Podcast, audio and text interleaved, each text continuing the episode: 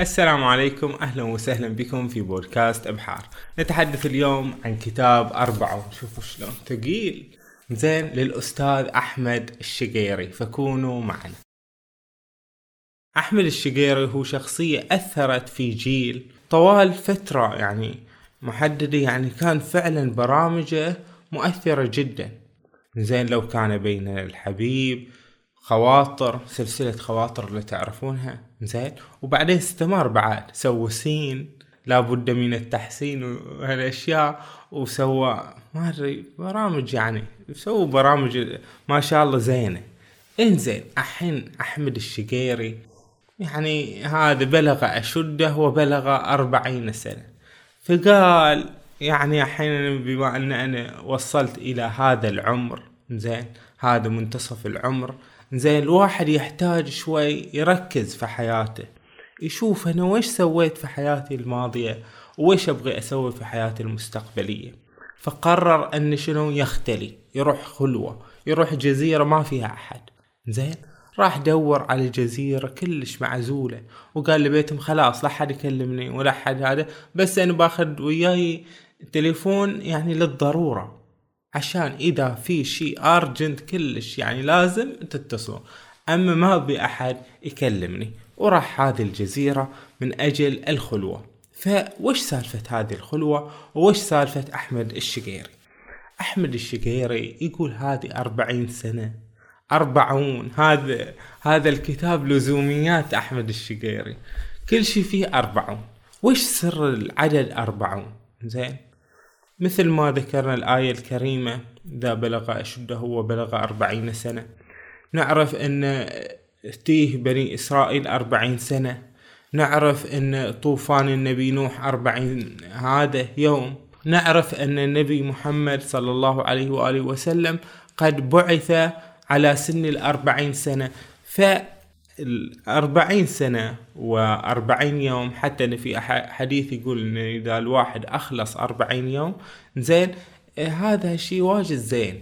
فالكاتب يقول خلني أروح هذه الخلوة أختلي بنفسي أربعين يوم. مو معقول يختلي بنفسه أربعين سنة أربعين يوم. إنزين يشوف فيها وش الأشياء اللي أبي أسويها. وش اللي تبغى تسويه يا أستاذنا أحمد الشقيري؟ يقول أول شيء أبي أهذب نفسي. أسائل نفسي عن هذا تهذيب النفس في خلال هذه الخلوة. أيضا شنو؟ أقيم الماضي أشوف ماضي شلون كان. هل كان زين؟ هل كان يرضي الله؟ هل كان هالأمور؟ زين فعلا الأستاذ أحمد الشقيري يعني الأشخاص اللي هو شخص عصري زين.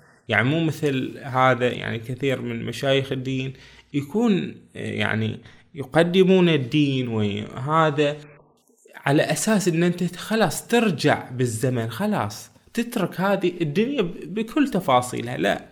أحمد الشقير يقول إن أنت تقدر تعيش في هذا العصر يعني بدون أي مشاكل. يقول لك نصيحتي لك سو خلوة لك ولو يوم في الشهر زين تختلي شوي بنفسك تقعد في هالحجرة زين وتقفل عليك هالحجرة وشوي تصفي ذهنك وتفكر شلون تكون أفضل. كذي. زين سوي ريستارت لروحك. زين وترى يا أستاذ الكريم أربعين يوم قادرة على إحداث تغيير في عاداتك. في عاداتك إن شاء الله تقدر تغير من عاداتك في خلال أربعين يوم. وهذا ما تقوله كتب العادات وهي الكتب هذه. هذا كاتبنا الأستاذ أحمد الشقيري. كتابه هذا يعني إيش أقول لكم؟ في كل شيء في كل شيء. في الطبخة يمكن بس الطبخ ما, ما ذكر عنه. زين بس تقريبا قال عن كل شيء. يعني هو يتحدث عن مثلا قضايا دينية متنوعة في كل المجالات. يتحدث عن شلون تحقق سعادتك. يتحدث عن تحليل الشخصية وال INTP تعرفون هاي الشخصيات الستة عشر؟ زين كذي. زين. ويتحدث عن شلون إن أنت تسوي لك نظام غذائي زين. وشلون تسوي رياضة زينة. زين وشلون تدير مالك؟ وشلون تدير وقتك؟ وشلون يعني يعني كل شيء زين جاب لنا من هذا الثقافة الصينية. زين كونفوشيوس وش يقول مثلا؟ مثلا شنو البوذية؟ يعني يعطينا أفكار. زين يعني هذا الكتاب فيه كثير كثير يعني من المواضيع وال والنقاط اللي وشو اللي يقولها باختصار. الكتاب عموما هو تلخيص الكاتب لكل ما في عقله. كل شيء في باله زين عطاك إياه. كذي. زين. هو شخص يعني يحب التحسين. شوف هذا ويحب كلمة إحسان. إحسان إن أنت لازم تحقق الإحسان في حياتك. زين. وشلون إن أنت تمضي على تحسين نفسك. تحسن من نفسك شوي شوي ويعطيك تجربته في الحياة. تجربته في الحياة جديرة بأن تقال. هو سنة 1994 وكان عمره 21 سنة يمكن أو شيء. زين بدأ يصلي. يعني إنه قبل ما كان واجد يعني يهتم بهالأمور. إنزين بس المهم بدأ يصلي في وين في أمريكا. إنزين ولما صلى حس إن الصلاة هاي صلاة زينة زين زينة الصلاة ولازم أستمر عليها. بس بعد هالصلاة رجع شوي يجد صعوبة. زين لأن تعرفون هذه الصلاة تحتاج منك إن أنت شنو؟ تكون آه، في عادة وفي التزام وما تفوت صلاة. زين فأحس بالصعوبة واستمر في هذه الصعوبة. زين فهو الأستاذ أحمد الشقيري يقول لنا في البداية ناس يمكن يقولون لي إن أنت لا وش تقول؟ أشياء غلط أنت سويتها في حياتك. قول عشان أفيد الشباب الشباب الحين واحد يجي يقول أنا أنا عمري ما صليت أنا عمري ما هذا أنا كذي يعني أنا مو شخص وشو ملاك أنا شخص قاعد أحاول أحسن من نفسي. شوي شوي بديت ببداية غير صحيحة. يعني ما كنت شخص يعني متدين وكذي شوي شوي حاولت إن أنا أغرس الدين في قلبي وفي عقلي. يتحدث الكاتب عن مفهوم السعادة. أنت شلون يكون عندك سعادة؟ هل السعادة هي هذا الحصول على اللذة والابتعاد عن الألم؟ هذا يعني ممكن يكون مفهوم للسعادة. والسعادة ممكن تكون شنو؟ القائمة على المبادئ والأسس والعقل حتى. زين لذلك هذا يفتح منها باب ويقول لنا إن إحنا البشر زين عندنا ثلاثة عقول. وش هم هالثلاثة عقول؟ عندنا عقل شهوان هذا العقل الزواحفي. زين الزواحف عندها العقل. تبحث عن شهوتك تبحث عن الأكل عن هذا. بعدين يقول لك عقل الثدييات هذا عقل الثدييات هذا الموجود عند الثدييات هذول عندهم شنو؟ عندهم عواطف. ما تشوفون؟ الحيوانات الثديية تكون وش عاطفتها تجاه آه، صغارها أكبر. وهذا موجود عند الإنسان. إنه شنو؟ يكون عاطفي. عاطفي شنو؟ حاجات العاطفة.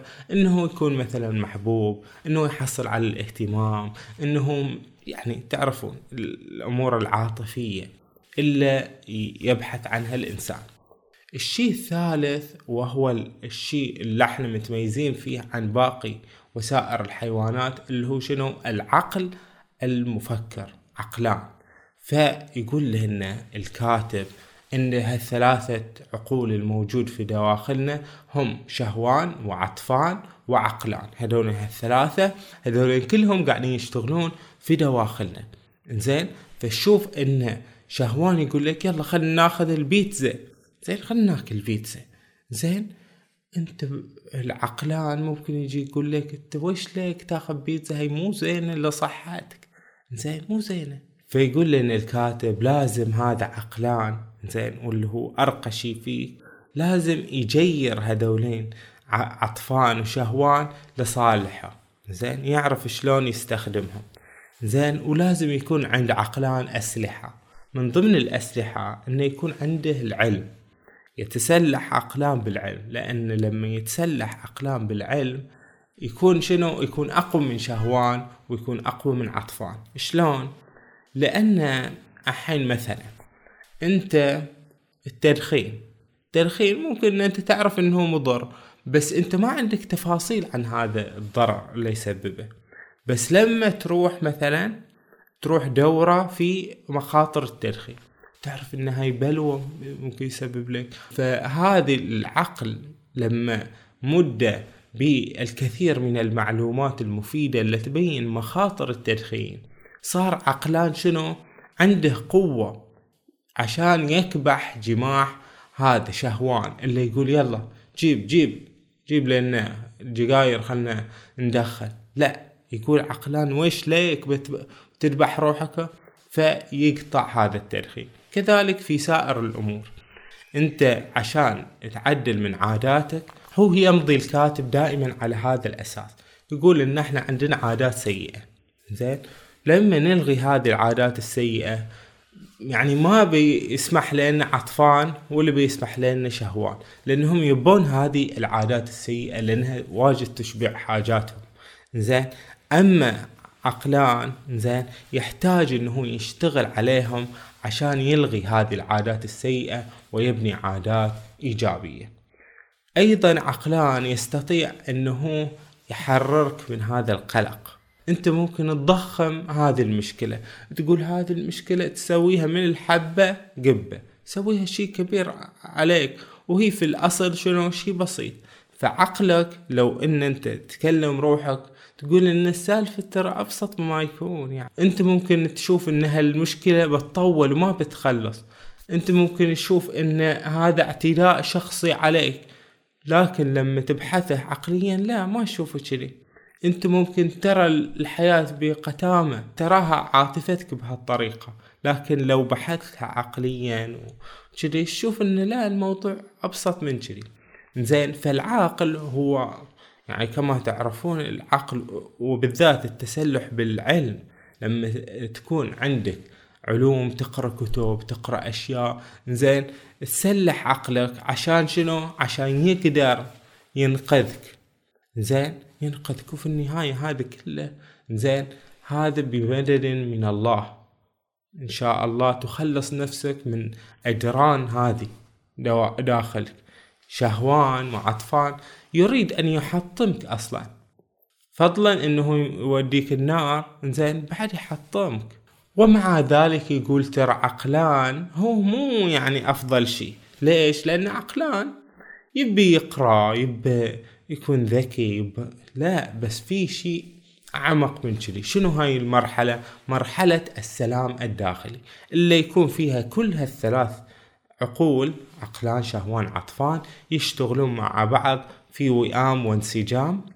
وأنت إن شاء الله تكون فيها مؤمن ومسلم لله وعايش حياتك في سعادة وهدوء وسلام داخلي.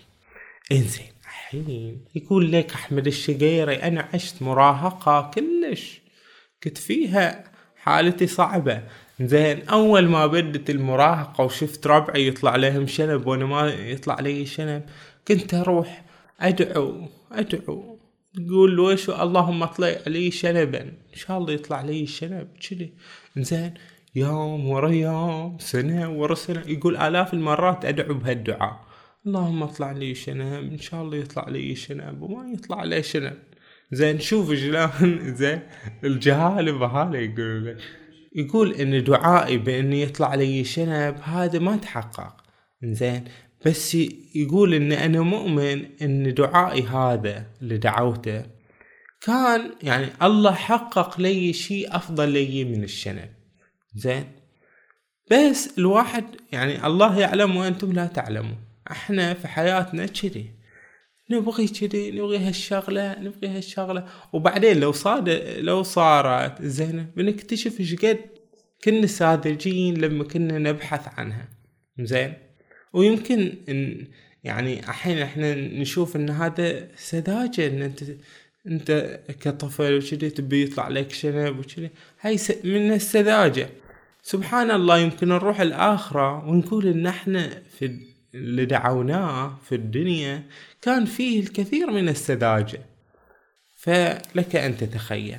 عاد حين أحمد الشقير شوي كبر زين وزادت عنده المراهقة. هاي المراهقة خلته يهاوش أمه مثلا. زين يهاوش أمه كذي زين فجله أبوه وقال له شوف قال له شوف كل شيء إلا أمك. فاهم؟ دم هذا بوديك مدرسة داخلية تقعد فيها ونفتك منك. يلا أدبه. زين ومرة وداه أبوه إلى الحديقة وراواه شجرتين. شجرة سيدة زين وشجرة مايلة يقول ليه يا ولدي هي الشجرة المايلة طلعت مايلة فشوف كيف من هالميلان صارت يعني كبرت وصارت مايلة وصارت عوجة وصارت شيء زين وهذه طلعت سيدة فطالع شلون صار صارت هذه الشجرة ممتازة فانت اختار حياتك هل تبيها تكون مايلة أو تبيها تكون سيدة فكان أحمد الشقير يتعلم مثل هذه الأشياء وإن كان ببطء لأن المراهقة كما تعرفون يعني شعلة من النار كل واحد فيها يعني بعدين يكره شخصيته أصلا في المراهقة. إنزين نفسه أحمد الشقيري ما زال مراهق راح لأمه وأخواته وشي يقولون بلا هذا نتف الحواجب هذا لا تسوون كذي هذا حرام. ان هاي يشيلون من حواجبهم لا. زين؟ يقول لا لا تسوون كذي لا. ف زين ويقنعهم بالأدلة الشرعية. هو كان عزته المفروض ما يصلي. زين بس سبحان الله يكون التعصب موجود عند آه هذا هذا السن بالذات. والمصيبة إنه يعني إذا استمر هذا التعصب لسن كبير هاي المصيبة صدق يقول لك كان يدخن من يوم عمره 13 سنة. يدخن. حتى أبوه كان يدخن يعني. زين بس انه هذا أحمد الشقير يدخن وخلاص. بس بعدين كبر. زين وقرر يقطع التدخين وقرر إنه يصلي. وقرر هالأشياء. شوفوا تحسينات. يحسن في روحه يعدل من نفسه. زين فقطع هالتدخين ولما قطع هالتدخين زين بعدين قال ان بمنع الناس إذا جو بيتي زين إنهم يدخنوا في داخل البيت. ما بيهم يدخنوا يقول لهم ما يصير تدخن في المجلس. دخن برا أوكي. الحين تغير الحال. بس في ذاك الزمن كان التدخين في داخل المجالس وهالأشياء هذا الشيء لازم يعني. عيب إن أنت ترفض إن الناس يدخنون داخل بيتك. عيب.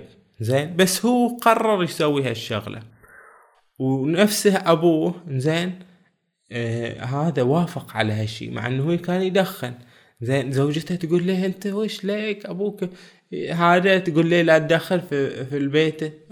بس هو قرر إنه يسوي هالشغلة واستمر عليها وفعلا بعد سنين صاروا الناس فعلا هذا. ما حد يدخن في في مجلس الناس كذي. تبي تدخن تطلع شوي برا تدخن ترجع. فهكذا تشوفون إن أحمد الشقير عنده هذه البوادر في تغيير المجتمع. زين؟ بادر إن شاء الله جميلة. الحين هو بدأ يصلي. ها كذي مني منك. بس في سنة من السنين سنة 2001 سمع يعني خطبة شيخ يقول يقول إن ترى الصلاة زينة. زين. والصلاة في المسجد بعد أفضل. الصلاة في المسجد واجد زينة. وإن إن شاء الله الله يحبك إذا رحت صليت في المسجد. فأحمد الشقيري من هذا؟ يعني من قلبه. قال ونوى. قال إن شاء الله حين سنة كاملة. من اليوم زين للسنة الجاية. كلها أصلي في المسجد. يعني كل الفرائض أصليها في المسجد. الفجر الظهر العصر المغرب العشاء. يعني خمس مرات في اليوم يروح المسجد يصلي ويرجع. قرر ألزم نفسه بهذا الإلزام إنه يصلي كل صلواته في المسجد لمدة سنة. وفعلا تمر السنة ويقوم فيها بكل هالشي. يعني تدرون وش الصعوبة اللي يسويها لما يسوي هالشي يلتزم بهالشي؟ إنه مثلا يكون في غدا زين يتغدى زين يلا الحين لازم أروح أصلي. يكون مثلا في اجتماع عمل. يكون قاعد ويا الصبيان. كذي يعني مثلا سهران وبينام المفروض بيطوف صلاة الصبح لا يقعد ويروح يصلي ويرجع. فكان عنده هذه العزيمة اللي خلته يصلي هالصلوات وهالشي يكبر فينا أحمد الشقيري. الحين أحمد الشقيري ذاك المراهق اللي يدخن ولا ما كان يصلي في البداية أم هو الشخص اللي يصلي وهكذا مدين هو هذا. هو هذا الشخص اللي قاعد يتحسن شيئا فشيئا. يقول بعد ما خلص هالصلاة لمدة سنة في المساجد جته دعوة لبرنامج يلا شباب. قالوا له إيش رأيك تجي؟ تتطوع؟ إنزين إن أنت تشتغل ويانا في برنامج تلفزيوني اسمه يلا شباب. حياك فراح وياهم وبالصدفة خلوه يعني هو ما كان بي بيخلونه قدام الكاميرا إنه يتكلم كذي لا. بالصدفة خلوه يتكلم وشافوا إنه يصلح وبهالسبب أتيحت له الفرصة في تقديم برنامجه خواطر.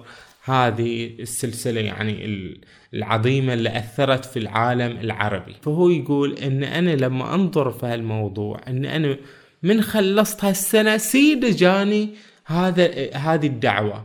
حسيتها إن هي جزاء إلهي. زين إن أنا يعني على الأخلاص اللي أنا سويته. زين هذا أحمد الشقيري يقول لنا هالكلام. بتجي بتقول أنت الحين مشهور. ويش الحين مشهور؟ مستانس يعني. عندك ملايين المتابعين. عنده ملايين المتابعين في تويتر ملايين في فيسبوك. هذا يعني كان كان أشهر من نار على علم في في ذيك السنين يعني. إنزين لما تكون مشهور بالذات مشهور في أمور إنه أمور دينية. قاعد يحاول يوعظ الناس يقول لهم إن أنتم يا جماعة سوون هالشغلة سوون هالشي. فإذا شافه واحد في الشارع كذي شافه مثلا مبوز زين مثلا نوع اللي متكدر مو ما ما يعطي ابتسامات. يشوفه يقول وش في هذا؟ أكيد منافق منافق. هذا في الكاميرا قاعد يضحك وشوفوا في الطبيعة كيفه. زين ما أدري. وبعدين إحنا ما حد حاسبنا كيف يكون وجهنا لما نكون في الشارع ولما يكون في هذا. ما حد يحاسبنا على أفعالنا. بس المشهور زين دائما من يسوي شغلة؟ ها وش وش اللي أسوي منافق أنت.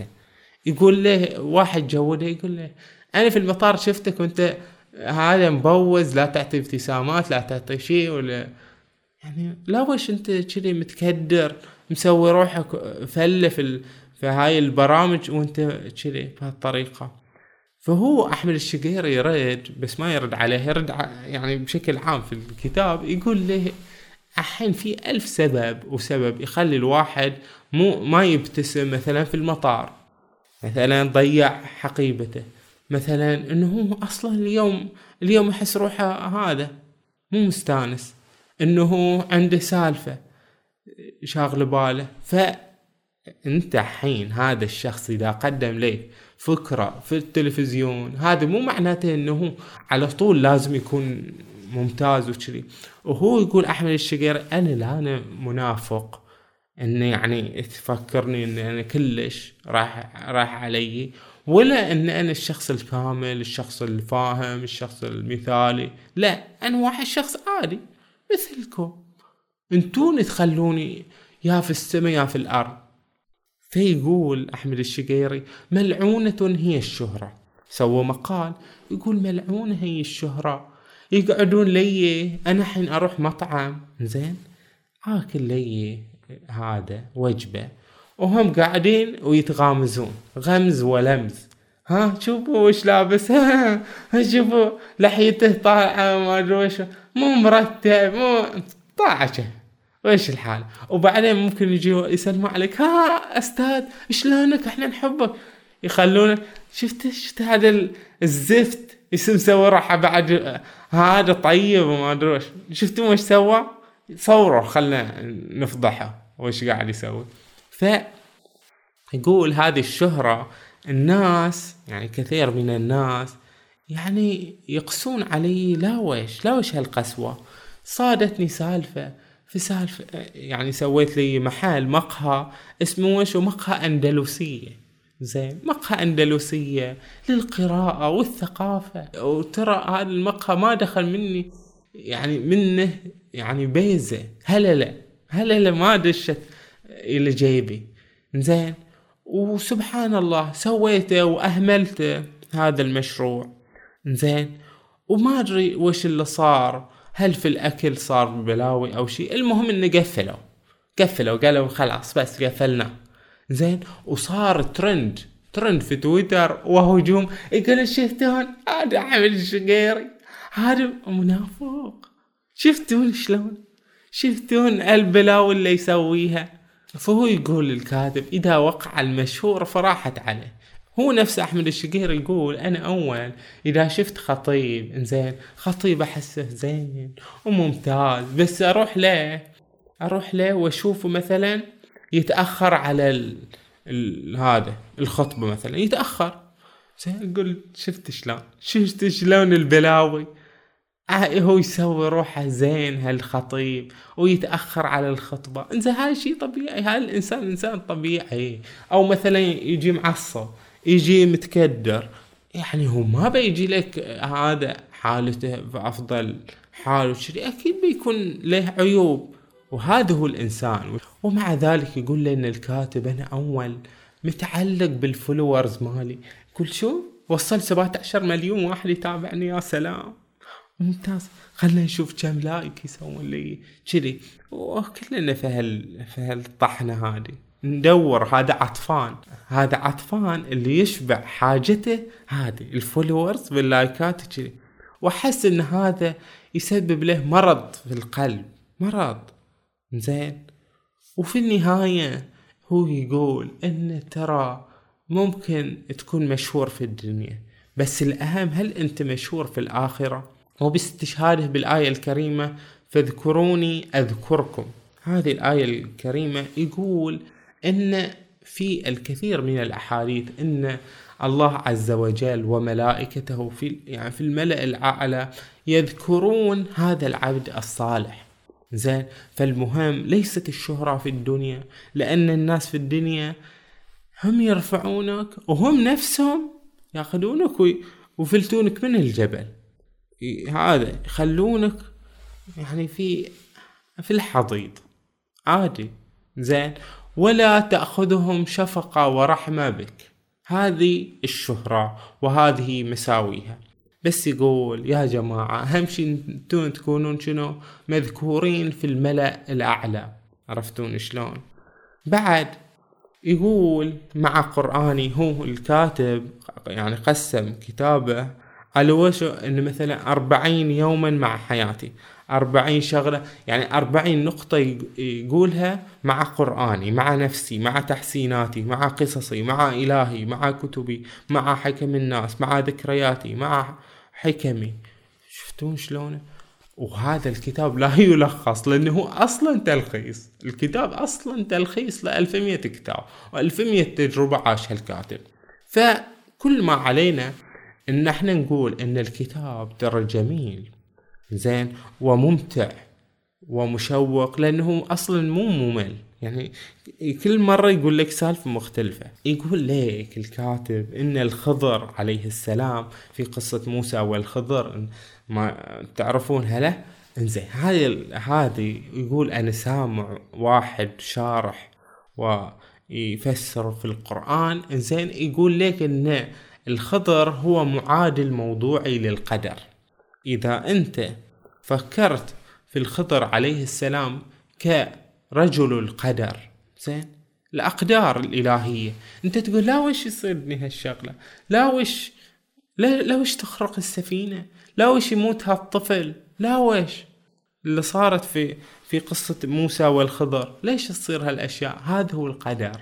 حكمة الله اقتضت إن هذا الشخص يموت. وهذا الشخص يصيبه مصيبة. زين؟ وهذا في صلاحهم. لكن أنت ما راح يجيك الخضر عشان يقول لك وش هي الحكمة من الأقدار اللي قاعدة تصير. زين؟ بس لازم تؤمن إن كل أقدار الله هي خير. يقول لك الآية الكريمة والذين جاهدوا فينا لنهدينهم سبلنا. يعني هذه الآية كانت تحفزه وتعطيه أمل كبير. ليش؟ لأن يقول إن بعض ذنوبي استمرت معي أكثر من عشرين عاما وأنا أجاهد نفسي في الإقلاع عنها وكلما أقلعت عدت إليها. هي الذنوب زين هي الذنوب والمعاصي وال...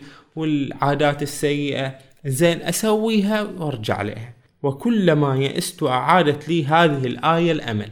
لما أقرأ هذه الآية الكريمة والذين جاهدوا فينا لنهدينهم سبلنا. هذا جهاد النفس أعظم الجهاد. جهاد النفس لا؟ زين وكنت أقول في نفسي الله وعد أن الذي يجاهد فيه سيهديه السبيل للإقلاع عن أي ذنب. ووعده حق سبحانه عاجلا أم آجلا. فكنت أستمر في الجهاد وفي كل مرة أقول لعلها آخر مرة يكتب الله علي هذا الذنب.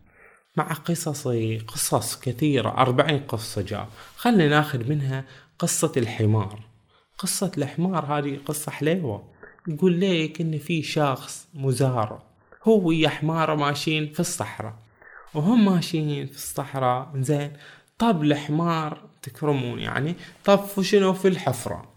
فلما طف الحفرة الحفرة عميقة ما هو قادر هذا الحمار إنه يطلع من الحفرة.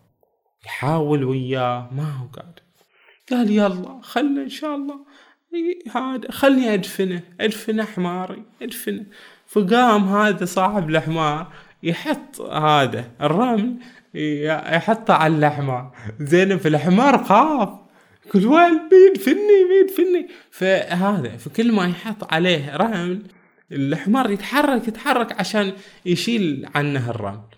حط رمل حط رمل لما انطمرت هذه الحفرة. زين وبعدين قام يصيح هذا صاحب الحمار يصيح على الحمار يقول له الله يرحمك يا حمار واللي يشوفه وراه يعني ركب ركب الحمار كل ما يحط عليه من هالرمل الحمار يركب.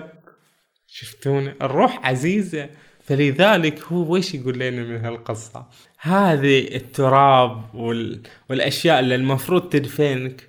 زين هذه اللي تطيح عليك. حاول إن تخليها شيء سند توقف عليه عشان تخرج وت... وتنجو من الحفرة اللي أنت قاعد فيها. شفتون شلون؟ هي هي القصة وهذه الفكرة. بعد قصة ثانية. يقول لك وزن كأس الماء. هذا دكتور في الجامعة. جاب لهم كاس ماي فيه ماي كذي يقول لهم ها شفتون؟ هذا كم وزنه؟ فواحد يقول مثلا مئة جرام مئتين جرام كذي زين. بس هو قال لهم شوفوا يا أولادي شوفوا هذا الماي. الحين أنا أمسكه وأحسه خفيف خفيف. لو ظليت دقيقة بحسه شوي أثقل. لو حملته ساعة بيجيني ألم شديد في ذراعي لو حملته لمدة يوم كامل بيجيني تمزق في ذراعي. فشفتون شلون؟ وإيش معنات هالكلام؟ يقول لك الهام الهام والقلق وال... والألم وهالأشياء شيء أنت تحمله. فلو أنت بتحمله لمدة ساعة بتحزن شوي خلاص بتنسى الموضوع. هذا معناته أن أنت تحمل شيء بسيط. بس لما بتحمله لمدة كم؟